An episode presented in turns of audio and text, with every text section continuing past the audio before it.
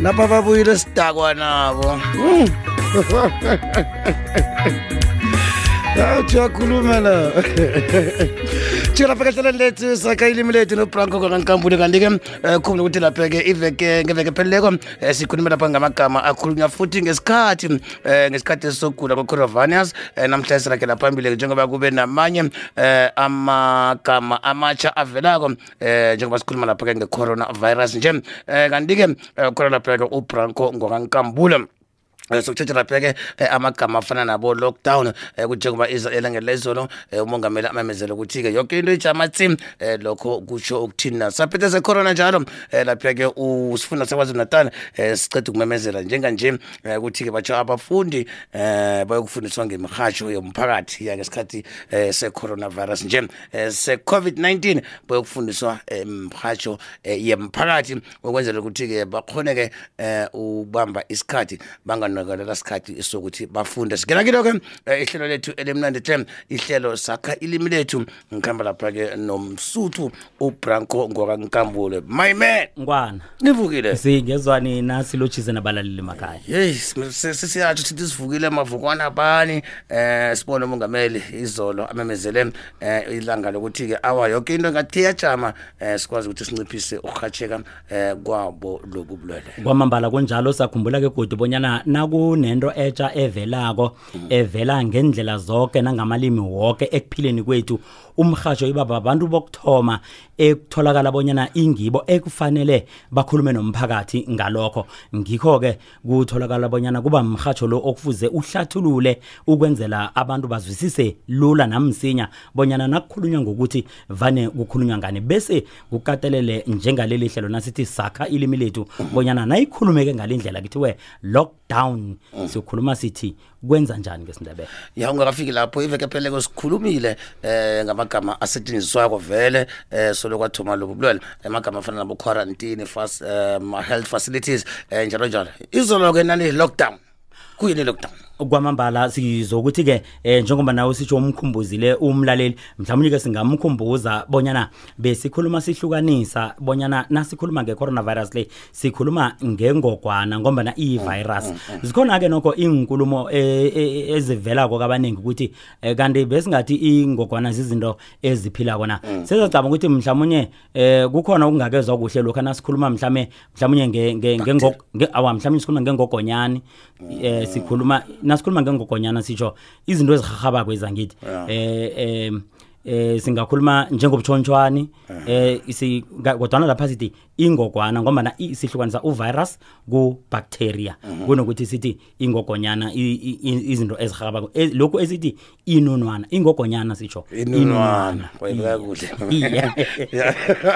ngilokho-ke umlaleli esimkhumbuzeko ngakho iveke pheleleko bese sakhuluma ngesihlanzekisi eh lokhu-ke ekuthiwa hlikihla ngakho nasithi-ke nakuthiwa hand sanitizer sho ukuthi izandla ngesihlanzekisi Hlanzekisi. nabathi sanitizer bazokusho njalo abanye bathi sanitizer izandla. Kodwana nasikhuluma ngesindebele sicingeleko sokuthi hlikihla izandla, izandla zakho ngesihlanzekisi. Isanitizer sihlanzekise okuphathelene namagama wanamhlanje sinjengoba nawe sitsho bonyana umemezeleke umengameli bona kune-lockdown.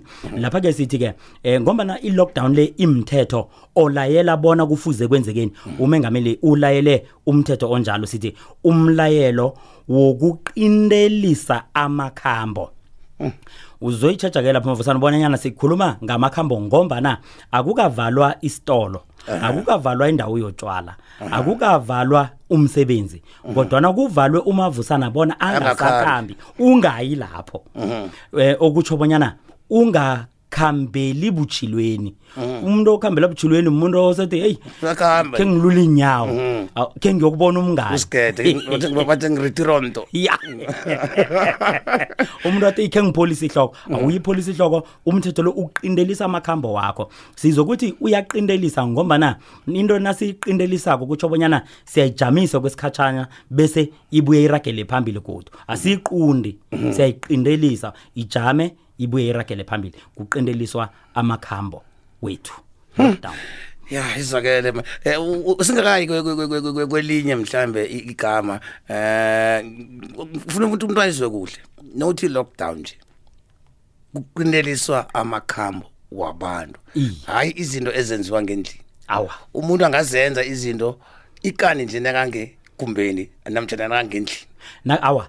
Ngekhe sithi ngendlini nakasekhaya ngoba nabanye bathatha ukuthi hawu siyovalela manje ngingasaboni nelanga ngaphandla. Awa ungaphumi emacabazini wekhaya. Ejardeni iye utholakale ungaphandle usendleleni.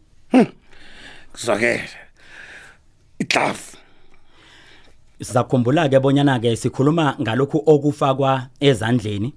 Eh sizokuthi thina idlavu njengoba na iEnglish izokuthi glove sizokuthi idlavu ngo I D L H A V U idlavu.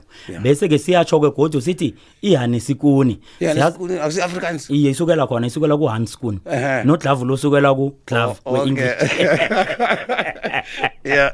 Uzakhumbula bonyana ke ekwakhiweni kwelimi kuba namagama amaningi akhiwa ngendlela afike nangendlela eze ngayo. Ngoba na ke kuthiwa kwakhilumi bese kutholakala bonyana awu singase silakhe nasilakhako likhulume ngendlela thina sikhuluma ngakho kodwa bese kubonakala bonyana lizokuzwakala kuhle nasilibiza ngendlela elifike ngayo.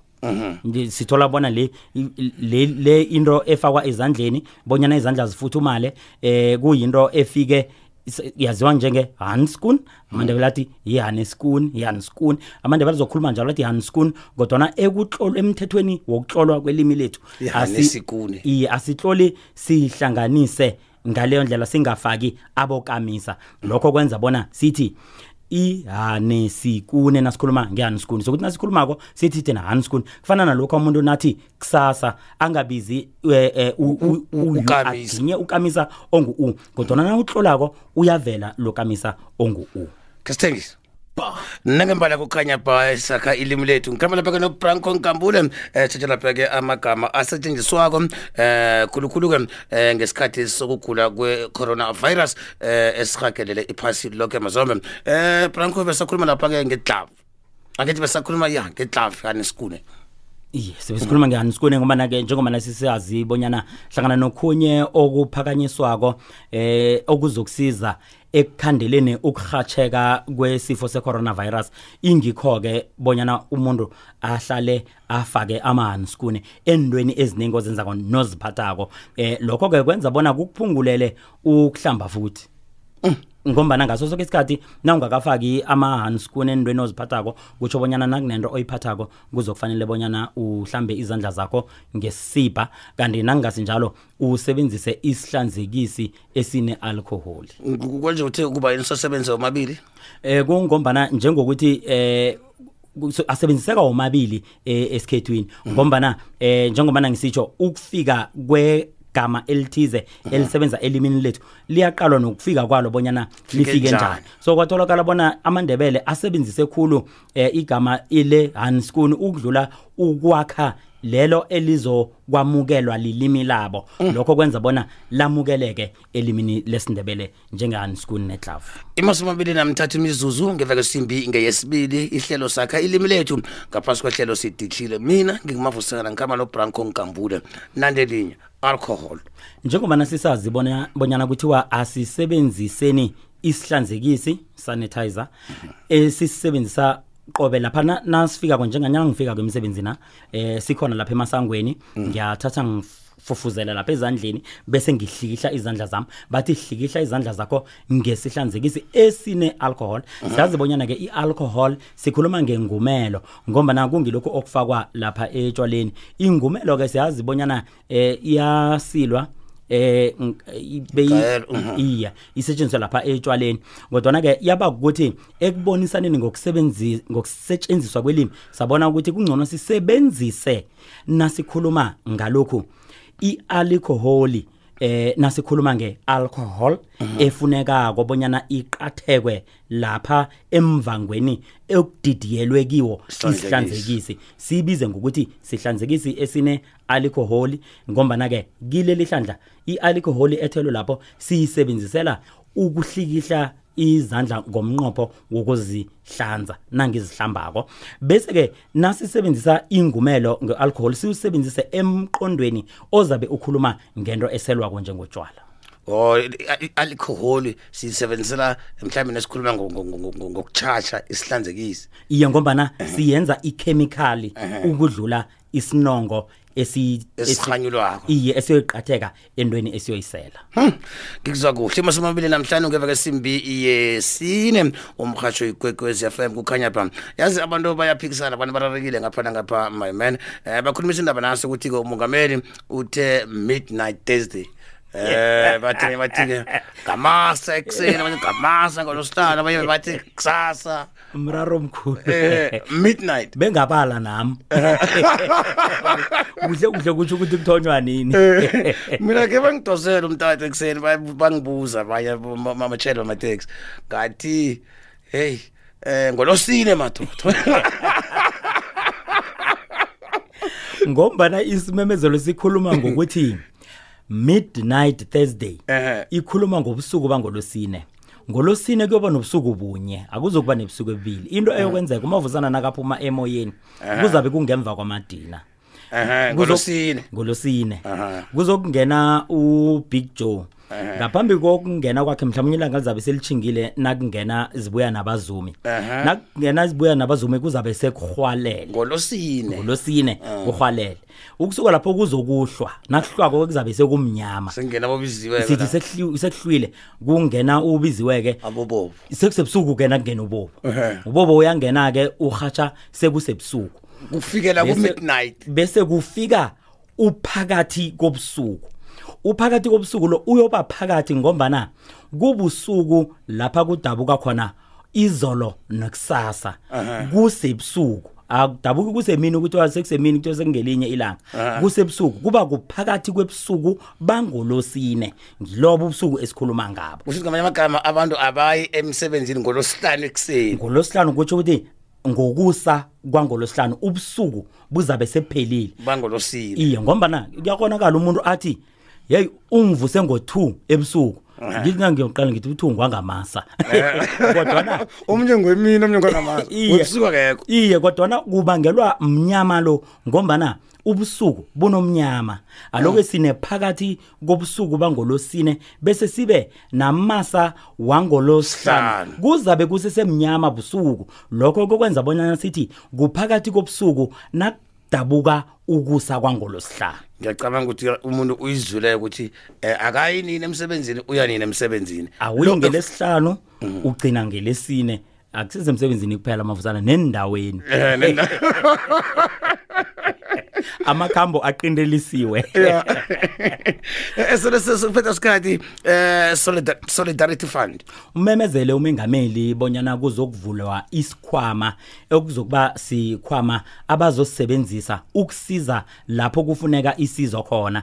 Eh lokhu ke kungehloso yokuzwela labo abayokuthindeka ngalokhu. Ngikho izokuba sikhwama sokuzwelana. Eh, kukhona ke eh, ngombana uzoyazi bonyana ikulumo izokuya ngokuthi ukhuluma ngani ikulumo yakho uyihlalise ngalindlela ihloso yalesi sikhwama esisikinyiswe ngumengameli nesiphakanyiswe ngumengameli wasimemezela isikhwama sokuzwelana ngombana kukusiza lapha kunefuneko khona kulizwelo elilethwa kilabo abayokuthindeka ngebanga lalesi sifo secoronavirus Mhm. U- u- usakhuluma njalo umongameli uceda ukumemezela nokuthi ke eh, umndeni wakwarupert nomndeni wakacappenheimer batsho bazokhipha bhiliyoni ngabhiliyoni eh, ukusiza ekulwisaneni ne- ne- ne- ne-coronavirus yona ul- ngiyo-ke leyo itshengisa bayokusiza ngokuzwela labo abayokuthindeka ngombana lokhu ngikho okuyokuthathwa kuphoselwe esikhwanyeni kilesi sikhwama ekuthiwa isikhwama sezwelo. Okusikhwama sokusiza ngehloso yokuzwela labo abathendekileko ngebanga logula kwe-coronavirus. Asifani ne-donation. Nalokho ungathi i-donation angithi njengokuthi i-donation izokuthi sisisa onaso. Wena muntu okhupha unikele ngehliziyo yakho enomusa enesisa. Lokho nawunesisa unesisa ngombana unezwelo. Kuselimini ke ungatsho ke bonyana kutsho uthi awa sesisisa sabo sikhwama sesisa ngombana ihloso ekulu ukwenza lokhu ngombana uzwela abayokuthindeka unesisa kilabo abayokuthindeka. Akunalitho olilindeleyo ukuthi unikelwe khona. Awunalitho olulindele bona bakubuyisele lona ngokwenza njalo. Mamen eh mhlambe ama- amagama okugcina bese silibeka phasi kwanamhlanje ihlelo sakha ilimi lethu. Kunjalo ke si lokho esilinga ngamandla wonke ukukwenza nasithi sakha ilimi lethu nembono yomlaleli siyayithatha ngokuthi usihlolele uthi inkambule NW @sabc.co.za sakha ilimi lethu begodu uyakwazi nokusivakatshela kubunzinzolwazi bethu. Uthole ipodcast yaleli hlelo ulalele namkha ube nombono ophosela. Ngi- ngi- ngizo- ngizobe senginalo igama engakubiza ngalo eh iveke ezako. Angeke sathi sakha ilimi lethu ngapha ngiphethe my man ngazibetha nami lapha. Thokozile. Thokozile, Masa.